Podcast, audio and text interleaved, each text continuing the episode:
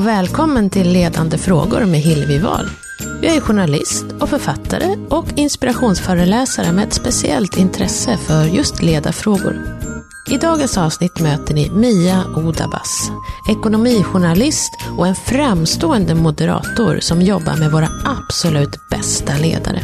Varför är hon besatt av smarta samtal? Och varför är det en sån lyx att få jobba med prins Daniel? Och vilka är hennes egna bästa fuck-ups?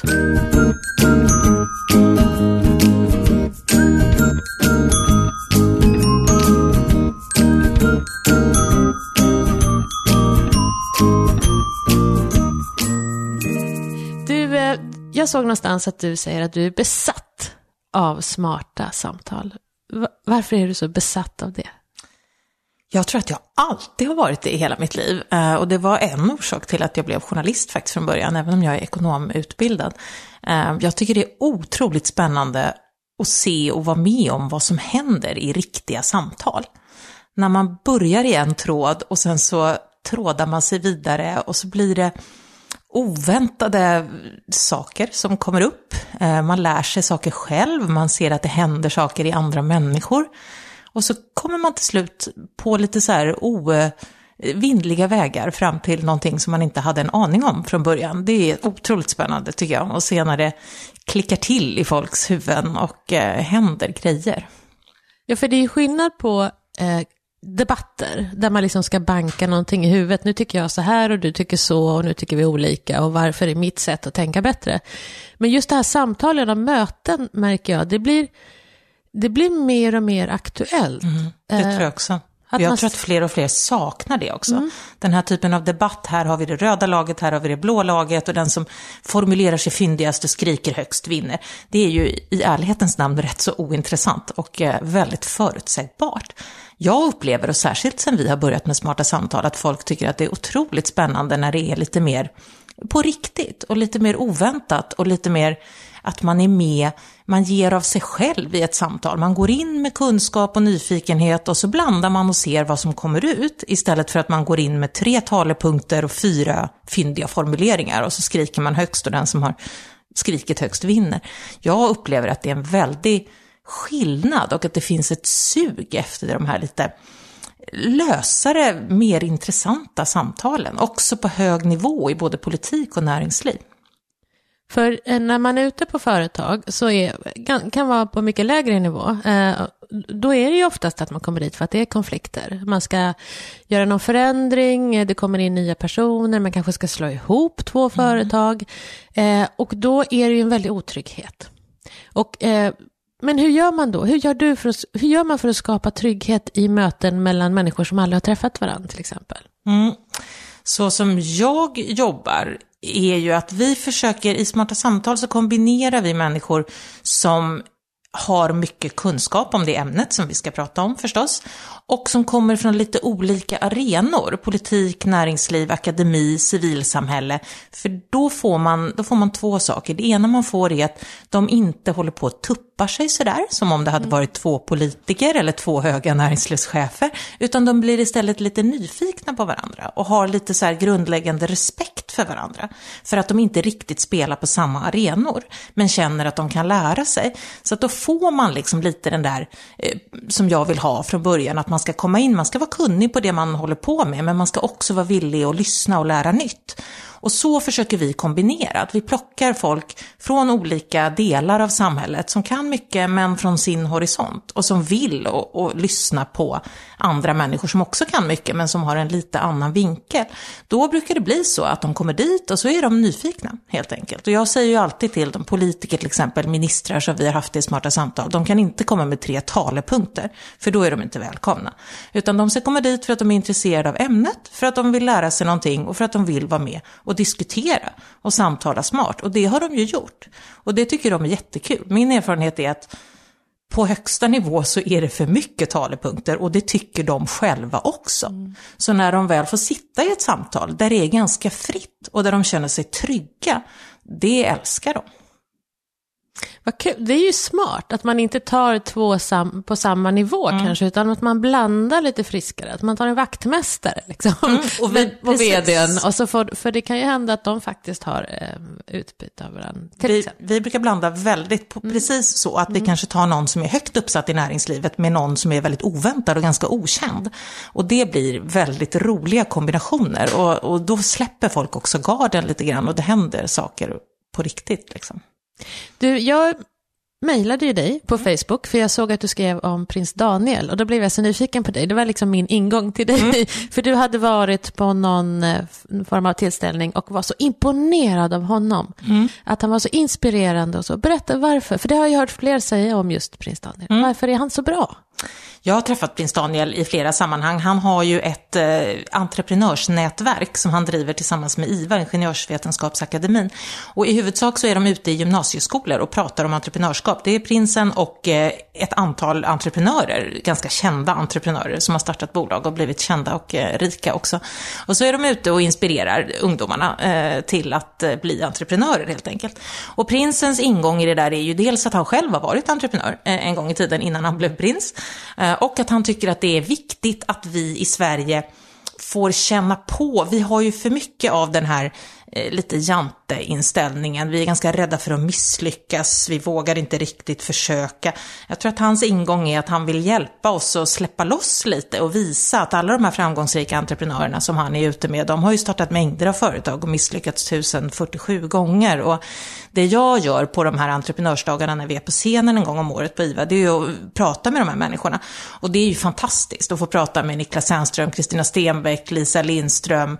Jag har träffat massor av väldigt spännande spännande entreprenörer som berättar om hur det var för dem. Det är lätt att läsa i tidningarna och det ser väldigt tjusigt ut där, men då berättar de ju att det har varit ganska krokigt, att de har varit osäkra, att de inte alls det kanske inte var som de tänkte från början och det tror jag är väldigt skönt för de här unga entreprenörerna att få höra att det är inte spikraka vägar och det gjuter lite mod i dem och sen får de ställa en massa frågor och de får lite coaching och sådär. Så att prinsen tror jag brinner för att verkligen få folk att våga helt enkelt. Och det tycker jag är häftigt, för vi saknar lite av det i Sverige. Vi är lite så här, lite för rädda och lite för, man ska inte förhäva sig och man ska inte misslyckas. Och, men det ska man visst det, man ska förhäva sig och man ska misslyckas, för det lär man sig jättemycket på. Och det propagerar han för på ett väldigt trevligt sätt, tycker jag. Berättar han om sina egna misstag då, eller? Han har faktiskt berättat, jag pratade med honom förra året, tror jag det var, på scenen om eh, hur han drev sitt bolag och vad han missade. Jag vill minnas att han pratade om att de var rätt dåliga på marknadsföring i början. De trodde att det bara skulle gå av sig själv med det här gymmet och det gjorde det ju inte alls. Och han hade också någonting, tyckte jag, som var intressant. Det brukar ju alltid sägas att man inte, att man inte ska starta bolag tillsammans med sina kompisar, för man börjar alltid bråka. Men prinsen tycker att det ska man visst göra, för det finns ju ingen som man känner så bra som sina vänner. Och då får man en fördel när man väl har lite kontroverser. Och det tyckte jag var rätt intressant. För det är ju annars en sån här oskriven regel. Ja. Mm. Eh, någon jag pratade med sa att han tar sig verkligen tid att se människor också. Det var eh, en eh, ja, Fotboll da Forza, eh, Cecilia som jag också har intervjuat i podden, som berättade att han, eh, hon kom dit med ett gäng unga tjejer, fotbollstjejer, och han stannar verkligen till. Mm. Alltså han ja, nästan struntade Säpo-vakterna som står i dörren. Men han stannar till och frågar hur har du haft det idag? Hur har din dag varit idag? Hur, hur upplever du det här? Alltså en helt ung vanlig tjej, men han, han, han är så närvarande. Mm, han är det... extremt närvarande, det upplever jag också. Och det är ju fantastiskt. Det är ju det är väldigt bra ledarskap tycker jag. Han är genuint intresserad av det han gör och det är ju fantastiskt. Och så äger han sin roll. Mm, det gör han verkligen. För det är väl nästan just det där man tänker på när någon, han har fattat att nu har han fått det här uppdraget, mm. då gör han det bästa han kan av det. Han har gjort något fantastiskt av det, för det kan man kanske annars tänka, ja men jag har aldrig varit varken prins eller prinsessa, men det kan vara en ganska fyrkantig roll, ganska svårt att fylla den med någonting vettigt. Han har ju verkligen, bara under den korta tid han har varit prins, uträttat massor med vettiga saker och gjort det från magen och hjärtat tror jag. Det här brinner han för och det här tycker han är väldigt roligt och det märker man ju när man jobbar med honom. Det tycker jag är otroligt häftigt. Och då blir ju jag lite avundsjuk för att inte jag får vara med där på det här när, när han står och pratar. För det, vi pratade lite grann innan eh, vi satte igång podden här om varför de här världarna med de här fantastiskt smarta mm. människorna är så stängda. Alltså varför ligger det inte ute på något slags folkuniversitets Netflix? Mm. Jag vill ju också se honom prata. Mm. Um, och det är likadant när, i näringslivet där när ni, ni möts uh, över gränserna. Och, och jag bara, jag vill ju också vara med. Men det är liksom bara då kanske väldigt höga chefer eller väldigt duktiga entreprenörer eller på universiteten om man har lyckats samla ihop massa poäng från, skol, ja, från sju år och uppåt. Eh, så har man kommit in på den tekniska högskolan.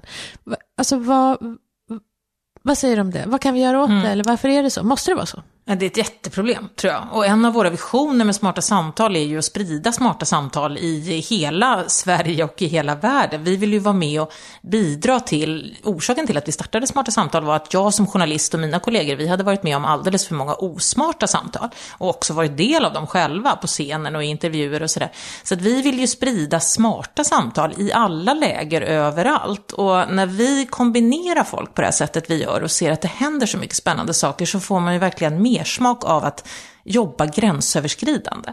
Så att min dröm skulle ju vara att verkligen få göra en sån här folkuniversitetslösning eller liksom en public service, nu är jag färgad av det för jag har jobbat på SVT, eh, smarta samtal. Att man liksom verkligen bjuder in. Idag finns det ju möjlighet att lägga på öppna plattformar och sådär, så att man verkligen får det här gränsöverskridandet att hända. För att jag tror att även de människorna i toppen av näringslivet och politiken som vi pratar med, tycker ju för det mesta att det är otroligt spännande att prata med människor som de aldrig träffar eh, långt ute i landet och kanske på helt andra platser, men gör det alldeles alldeles för sällan.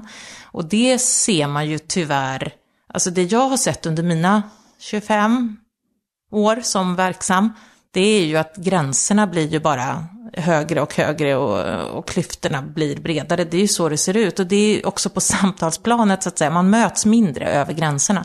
Och det är ju tråkigt och det skapar ju en massa negativa konsekvenser som vi ser idag, både ekonomiskt och politiskt tror jag.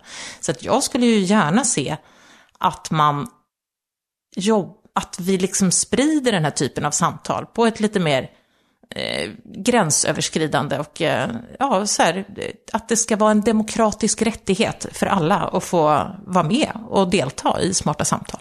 För det är ju lite kul, jag lyssnar ju på några av, mm. ja, nästan alla eh, Smarta Samtal poddavsnitt som finns ute. Och jag kom in helt så här lycklig. Och jag känner mig lite smartare själv, sa jag till.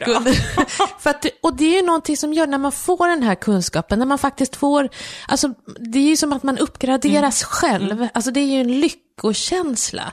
Till skillnad från när man läser alla de här ja, skittidningarna på ren svenska. Det känns som att man nedgraderar hjärnan. Om man, eller om man, det här då så klickgrejerna. Men när man får lyssna på de här och faktiskt riktigt lär sig något. Alltså hela belöningssystemet går ju igång. Om man vill någonting, man börjar brinna för någonting. Det är härligt att du säger det. Ja. För det är precis dit vi vill. Och det är precis den feedbacken vi får. Både från de här livesamtalen och poddarna som vi har gjort. Att folk känner hopp och de liksom ringer och vill starta flera företag och vill göra flera grejer och vill liksom prata med den och den och man man ser att folk verkligen går igång och får någon slags hopp. För det är ju så, när man hör människor, jag tycker det är fantastiskt att sitta med de här människorna, jag kan bara luta mig tillbaka och lyssna, för jag blir också så glad. Det finns massor av smarta människor på alla möjliga olika nivåer eh, som man lyssnar för lite på. Så är det ju. Så när man väl får igång den typen av samtal så blir man verkligen lycklig. Mm. Och det är ju vår ambition och det får vi ofta som feedback. Så det är jättekul. Men en annan sak då som kan vara en gräns, förutom det här alltså ekonomiska statusfyllda gränserna som vi har lite överallt i bubblorna, så tänker jag att det är ju rädslan. Eh, och vi pratar, eller du pratar lite grann om det här med rädslan för att misslyckas idag. Och vi lever ju, kan jag tycka, i ett väldigt fördömande mm, tid. Att vi all, all, alla ska ha mm, åsikter verkligen. och tycka någonting, om, om det så är på Facebook eller vad det nu är, alla ska döma. Um, och eh, jag hörde inom sjukvården till exempel så vågar inte de sjuksköterskorna eller personalen fråga varandra eh, om hjälp för att de tror att de måste kunna allt från mm. början. Och likadant i klassrummen så rapporteras det om att barn inte vågar fråga. Mm. För att de, där sitter alla då som ska döma dem. Och då går de hem och försöker förstå själva liksom, och ta på sig allt och blir helt utbrända innan de går ut grundskolan. Eh, vad, vad, kan vi göra åt, åt det? Det är ju någonting, alltså det här klimatet, samtalsklimatet som finns nu, i, tycker jag ju lite är på väg att spåra ur. Och vår, våra smarta samtal är ju liksom en motreaktion på det. För jag har jobbat så länge som journalist, att när jag började då, fanns, då kunde man inte mejla sin text till Svenska Dagbladet. Då åkte jag med diskett på bussen. Liksom. Det var så, det, så gammal är jag. Eh, men nu är det ett helt annat klimat. Alla kan säga exakt vad de tycker eh, i alla möjliga olika medier. Och det har ju skapat massor av bra saker naturligtvis. Men det finns en väldigt tydlig baksida. Och det är precis det här du beskriver. att det det blir åsiktskorridorigt, det blir väldigt hårt och hetskt och folk blir rädda för att säga, tänka vad de tycker högt. Eh, och det är väldigt, väldigt sorgligt och det tror jag man måste det måste komma någon slags motreaktion på det. För att jag tror att precis som du beskriver, det är massor med människor som upplever att de inte vågar. De vågar inte göra fel, de vågar inte fråga, de vågar inte säga vad de tycker. Och det kan man ju räkna ut ganska enkelt, att det blir ju inte något bättre resultat av det. Det blir ju liksom inget bra samtal och har man inga bra samtal då löser man inga konflikter. Så att det är jätte tråkigt. Och jag har ingen sådär universallösning på det, men jag tror bara att man måste liksom möta den lite tuffare, hetskare debatten med sådana här öppna, riktiga samtal på riktigt och visa att det är här som vi pratar på ett bra sätt så att det händer bra saker efteråt. För det här hackandet och eh, ja, det är fruktansvärda förföljelser på, på, vissa ställen på nätet. Det, gör ju, det skapar ju bara att folk sluter sig. Och det blir ju verkligen inte, som du säger, barn vågar inte fråga och på arbetsplatser så vågar man heller inte säga vad man tycker och sådär. Det är ju, det är så deprimerande faktiskt. Ja, och det här med att kunna allting från början, det kan väl ingen? Såklart inte. Och, då, och inom vården så är det livsfarligt mm. att inte våga fråga om hjälp, en kollega. Eh, och eh, jag tänker skolan är ju till för att man ska lära sig. Nej, men eller hur. Så, och då ska vi vara lite snällare mot varandra bara.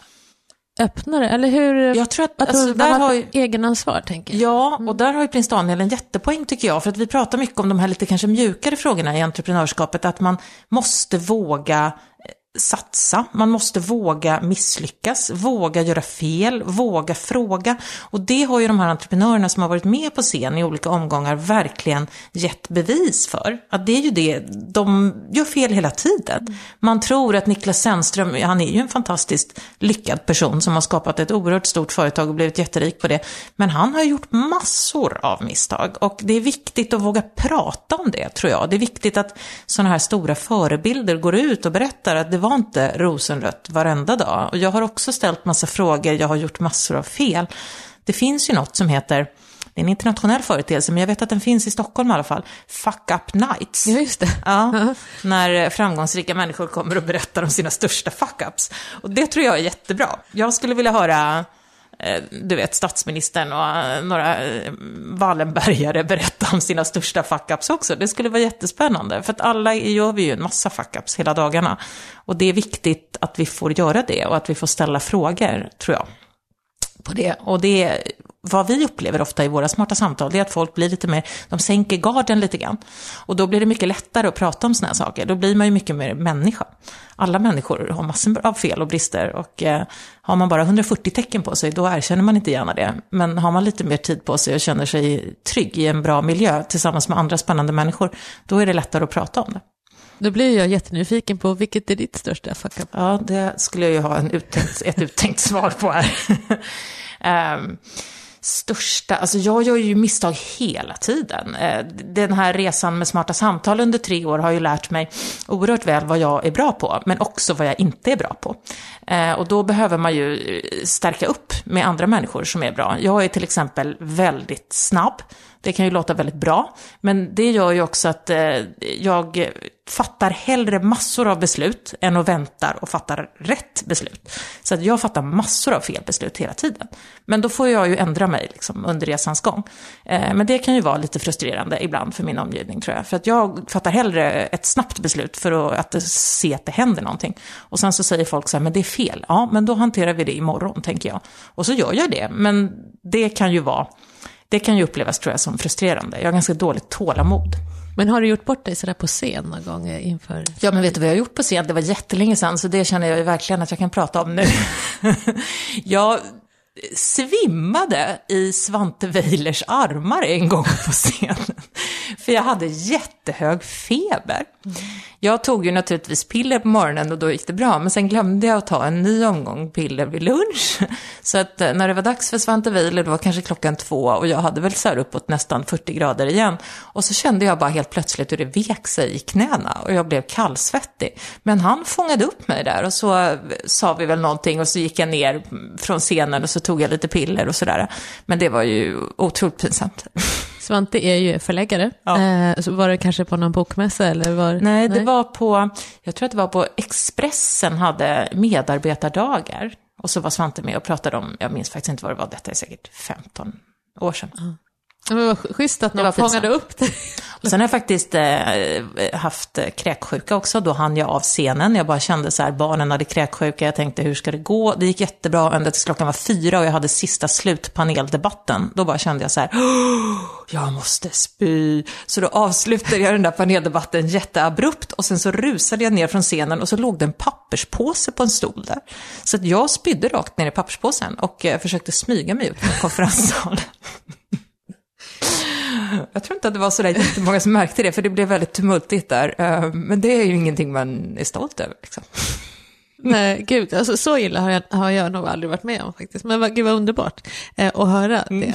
Du, eh, du, ni, du, du var med och skrev en bok för ganska tio år sedan. Ja, det är, ja precis. Det är tio år sedan faktiskt. Ja, Som hette Karriärbok för kvinnor. Mm. Varf, varför behövde ni skriva den, tänkte ni? Eller hur, hur kom det sig? Det var min medförfattare Anna Eliasson Lundqvist som fick frågan från förlaget. Hon jobbar med rekrytering av kvinnor till höga poster och har gjort det i jättelänge. Eh, och då ville hon göra det genom att jag fick gå hennes program. Så det var Mentorprogram? Det ja, mm. ja, precis. Eh, mentor och chefsutvecklingsprogram. Och det handlar ju mycket om att man då får hjälp att utveckla sina ledarskapskvaliteter och sina lite mer eh, mjukare sidor. Man jobbar mycket med personlig utveckling och så. Så att jag fick göra olika kapitel i liksom, eh, olika steg då av hennes utveckling. Jag fick gå till någon kroppsterapeut och jag gick väl säkert till någon samtalsterapeut och jag gjorde olika sådana här tester också, lite mer klassiskt snitt. Men det var jätte bra, för då fick jag skriva efter jag hade varit med om steget och sen så reflekterade Anna över det som jag skrev. Och det blev ju en väldigt personlig resa där det som man har varit med om poppar upp väldigt tydligt när man blir utsatt på ett annat sätt eh, och inte riktigt kan behålla kontrollen. Så det var ju dels ganska jobbigt, eh, men också väldigt lärorikt. Vad var det som är jobbigt i en sån process? Man behöver titta in i sig själv lite grann och det är inte alltid så rosenröda sidor som man ser där. Eh, så jag fick ju hjälp att fundera lite över det som jag hade varit med om mm, som eh, barn, eh, som också påverkar mig i min nuvarande yrkesroll. Och det var väldigt nyttigt och lite smärtsamt att se kopplingarna, att man styrs utav saker man har varit med om eh, även i sin yrkesroll. Eller det är klart att man gör det, det är ju ingen rocket science. Men det var nyttigt och eh, jobbigt att koppla ihop det där. Kan, kan, kan du berätta en sån, någon sån grej som du... Ja, eh, jag, min pappa tog livet av sig när jag var 16 år. Och det var ju naturligtvis en otroligt jobbig process som har påverkat mig jättemycket i hela livet, eh, på alla möjliga olika plan. Men jobbmässigt så fick jag ju hjälp att se att det har påverkat mig eh, så att jag har blivit en högpresterare. För det var så min pappa såg mig när jag var liten. när jag kom hem med bra betyg, då såg han mig och när jag liksom gjorde saker som man kunde rita högt på en skala. Eh, så det har jag ju fortsatt med i så god anda för att bli sedd av pappa. Eh, och det är inget konstigt, det är ju mängder av människor som beter sig så. Men det är väldigt bra att kunna se den kopplingen och kunna man blev lite, jag blev lite lugnare när jag liksom förstod kopplingen. Och när jag förstod varför jag håller på och grottar så i det där ekorrhjulet och varför jag aldrig blir nöjd och varför jag hela tiden ska vidare. Och då blev jag lite lugnare och kunde liksom stanna upp och känna att jag kanske kunde, ja, det är inte så att jag har helt vänt om och plötsligt fick för mig att jag skulle bli trädgårdsmästare. Utan jag har ju valt ett yrke som jag älskar. Eh, men jag har också fått hjälp att få lite balans i hur, hur jag beter mig och vilka vägar jag väljer och sådär. Så det var väldigt nyttigt. Tror du att du skulle kunna ha ett smart samtal med din pappa? Alltså hur skulle det se ut? Jag har haft massor med smarta samtal mm. med min pappa. Jag har idag en väldigt bra relation. Det var ju ändå 30 år sedan det hände. Mm. Jag har en bra relation med min pappa mm. idag. Och han har varit väldigt, nej, för mig har det varit väldigt nyttigt att gå igenom varför han hamnade där han hamnade och hur det kunde bli som det blev eh, och hur det har påverkat mig. Så att, eh, han är med hela tiden och jag känner mig väldigt sådär trygg i att han är, men att vi har en fin relation idag. När jag har intervjuat många som står på scen i olika sammanhang så märker man ofta att den här pappalängtan finns mm. där. Eh, och just det här att Margareta Strömstedt, över 80 år, när hon fick sin do doktorshatt så sa hon att nu kanske ändå pappa skulle ha mm. varit stolt mm. över mig. Att det är en sån drivkraft mm. som även många eh, alltså företagsledare berättar om. Eh, och jag tänker så här, så länge man är medveten om det så är det väl bra? Mm. Jag tror att medvetenhet är bättre än omedvetenhet. Ja. Um, och jag tror inte kanske att man behöver se det där och bli medveten om det för att man ska vända om och göra något helt annat, utan för att man bara blir lugnare och eh, förstår mer varför man beter sig som man beter sig. Och det kan ju bara vara bättre. Annars racear man på lite grann i blindo och sådär och förstår inte varför man har starka reaktioner på saker. Men om man kopplar ihop det med det man har varit med om så, så tror jag att man kan bli lite lugnare. Men jag tror också att det är väldigt vanligt. Och särskilt på hög nivå i näringslivet så är det ju någonting sånt där som, mm. som driver. Så är det ju. Du, du tror det? Att nästan ja, det alla som är... vara liksom att de har varit med om det jag har varit med om. Men det tror jag absolut. Att det är en sån här... Nej, alla människor som är på riktigt hög nivå eh, i näringslivet, de har ju något problem och det har vi ju alla människor. Men de har, det är, ofta så är det ju, alltså problem säger jag, men det blir ju också till starka drivkrafter. Och det behöver inte bara vara dåligt. Um, jag tror att det blir dåligt när man inte riktigt är medveten och kör på i blindo. Men om man öppnar upp och ser varför, då tror jag man kan använda de där drivkrafterna på ett positivt sätt. För det leder ofta till väldigt starka drivkrafter. Man gör ju väldigt mycket. Och det, det ska man inte se ner på. Jag är lite avundsjuk på dig där också, att du har fått en ledarskapsutbildning. Mm. Eh, för jag kastades ju in som ung journalist därför att jag var bra på någonting, att jag skulle bli ledare. Och jag var jättedålig i början, alltså på riktigt, för jag hade ingen aning om hur man skulle leda människor. Men är inte alla dåliga ledare i början? Tänker jag. Jo, men borde man åtminstone inte få en liten kurs jo, i hur man leder människor. Mm. Innan man liksom bara får ett jobb för att man är bra på något. Mm. Mm. Men jag funderar, det här som du berättade om eh, kropps... Eh, du fick mm. kroppskurs, eller vad sa du? Kroppsterapi tror jag det Kroppsterapi, kallas. ja, vad, vad får man veta där då? Ja, för mig var ju det, det var ju mycket jobbigare än samtalsterapi. För att samtal har jag ju varit bra på eftersom jag har gått i samtalsterapi sedan jag var barn. Liksom. Så att jag är ju en höjdare på att prata bort mig själv och andra. Ehm, men kroppsterapi var mycket jobbigare. Jag vill minnas att jag fick ligga på någon brits och eh, hon klämde och ställde lite frågor och sådär. Och då hände det väldigt starka reaktioner i, som bara var så kroppsliga reaktioner. Som inte jag alls på samma sätt kunde kontrollera som jag kan kontrollera mina ord. Mm. Så det var lite så här, det var lite läskigare för mig faktiskt. Och lite mer dra upp rullgardinen mm. på vissa grejer. Men säkert ännu mer nyttigt då. Men om eh, sådana här karriärtips för kvinnor då, är det nödvändigt förresten för att ha, alltså, är det olika? Ja, det är klart att det är. Men hur, för, för det har jag också förstått lite grann att du brinner för, att få in fler kvinnor i maktcentra. Mm. det, ju mer jag ser, desto mer bekymrad blir jag faktiskt. Som 20-åring då åkte jag ut från Anna Wahls föreläsning på Handelshögskolan. Anna Wahl är ju en känd eh, forskare i eh, skillnaden mellan manligt och kvinnligt och sådär. Och hon hade någon föreläsning på Handels då när vi var i 20-årsåldern, där hon hävdade det här med könsmaktsordningen och skillnaderna mellan män och kvinnor. Och jag var 20 år och tänkte så här, äh, men vad fan, tänkte jag, det måste ju vara kompetensen som gäller. och jag protesterade och argumenterade där och till slut sa hon bara så här, om inte du spelar efter reglerna här inne så kan du bara gå ut. Så då fick jag gå ut och det var nog riktigt, för jag var inte helt trevlig tror jag i mitt argumenterande. Och sen tog det ju mig några år och så insåg jag, jag har ju pratat med Anna jättemycket efter detta och ringt upp henne och tackat så mycket för att hon hade ju rätt. Tyvärr så är det ju inte enbart kompetensen som avgör. Och ju högre upp man kommer, desto mindre skulle jag säga att det är av om det finns någon slags objektiv kompetens. Och det är tråkigt och inte riktigt värdigt ett land som Sverige, tycker jag faktiskt. Som på många sätt har kommit långt inom jämställdhet och jämlikhet. Men eh, det finns stora områden kvar där det behövs göras oerhört mycket mer, tror jag. Och tjejer behöver, jag ska inte säga att tjejer behöver mer puttning, men eh, män och kvinnor behöver generellt, tror jag, bli mer varse hur olikheterna slår ut i arbetslivet. För det gör det verkligen. Eh, vi tjejer tar på oss ett sätt att bete oss som är annorlunda än männens. Och eh, det behöver vi prata om. Jag har till exempel nu när jag har varit ute på eh, söka kapital till Smarta Samtal-resan, så blir det ju helt uppenbart att män, det är män som har pengar. Jag har bara suttit hos manliga eh, riskkapitalister är fel uttryckt, men eh, manliga potentiella finansiärer. Och de väntar på att jag ska måla upp en jättestor vision i glada, många färger och ta över världen och helst sätta smarta samtal på månen inom ett år. Och jag är mycket mer verklighetsnära. Jag pratar inte om saker som jag inte vet att jag kan leverera. Och jag tycker att jag har levererat och jag tycker inte jag behöver prata så mycket för de känner igen vad jag gör.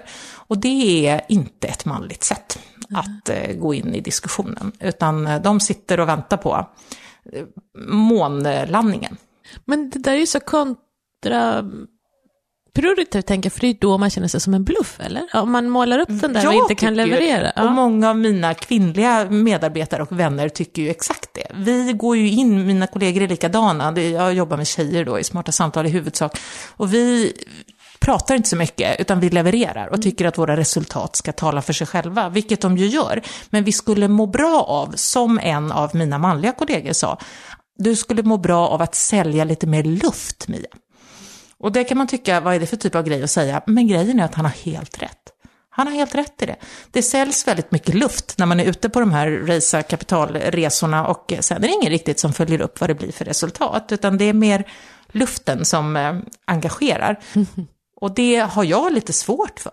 Men det är väldigt, om man generaliserar, det måste man göra när man pratar om sådana här saker, så är det väldigt manligt. Och det är väldigt eh, kvinnligt att gå in i diskussionen och tänka resultat och inte så mycket snack.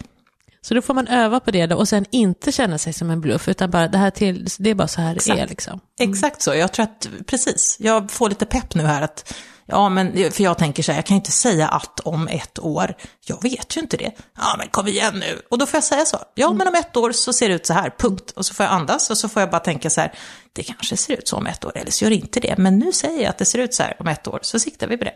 Eller så kanske det ser ännu bättre ut. Ja, det vet man precis. Men du, om du nu eh, skulle säga någonting till den här 20-åringen då som blev utkastad, eller överhuvudtaget den, här, den 20-åring som du en gång var, eh, har du något bra råd till henne eller till? Ja, jag tror att både när det gäller tjejer och killar så skulle jag ge rådet att man verkligen ska göra det som man är intresserad av. Det, det, finns ju så mycket snack om vad man ska göra hit och dit och vilka yrken som är bra och vad man ska satsa på. Man ska göra det man är intresserad av för att det blir man bäst på. För då går det liksom naturligt, det bara racear på, man vill lära sig mer och man vill göra mer. Så det tycker jag verkligen att man ska göra, det är det rådet jag brukar ge till mina barn. Eh, nu är inte de riktigt tillräckligt stora för att välja karriär ännu, men när det gäller fritidsaktiviteter och sådär. Eh, och sen kan ju det ändras vad man vill, men då hänger man med om man liksom går på hjärtat någonstans. Och sen tror jag, till kvinnor så skulle jag nog jag har ju varit rätt så gåpåig och ta för mig aktig och det tror jag kanske ännu mer faktiskt, att man ska vara när man är kvinna och inte så mycket be om ursäkt för sig själv. Inte ha dåligt samvete. Det är ju världens lättaste grej att säga och skitsvårt att leva efter. Och när man har barn och man ska hem till dem och man ska prestera bra här och där. Och bara så här, man kan inte vara överallt jämt. Och eh, man är tillräckligt bra ändå. Och ja, tjejer har generellt sett mycket mer dåligt samvete och eh, det tycker jag bara vi ska lägga av med faktiskt.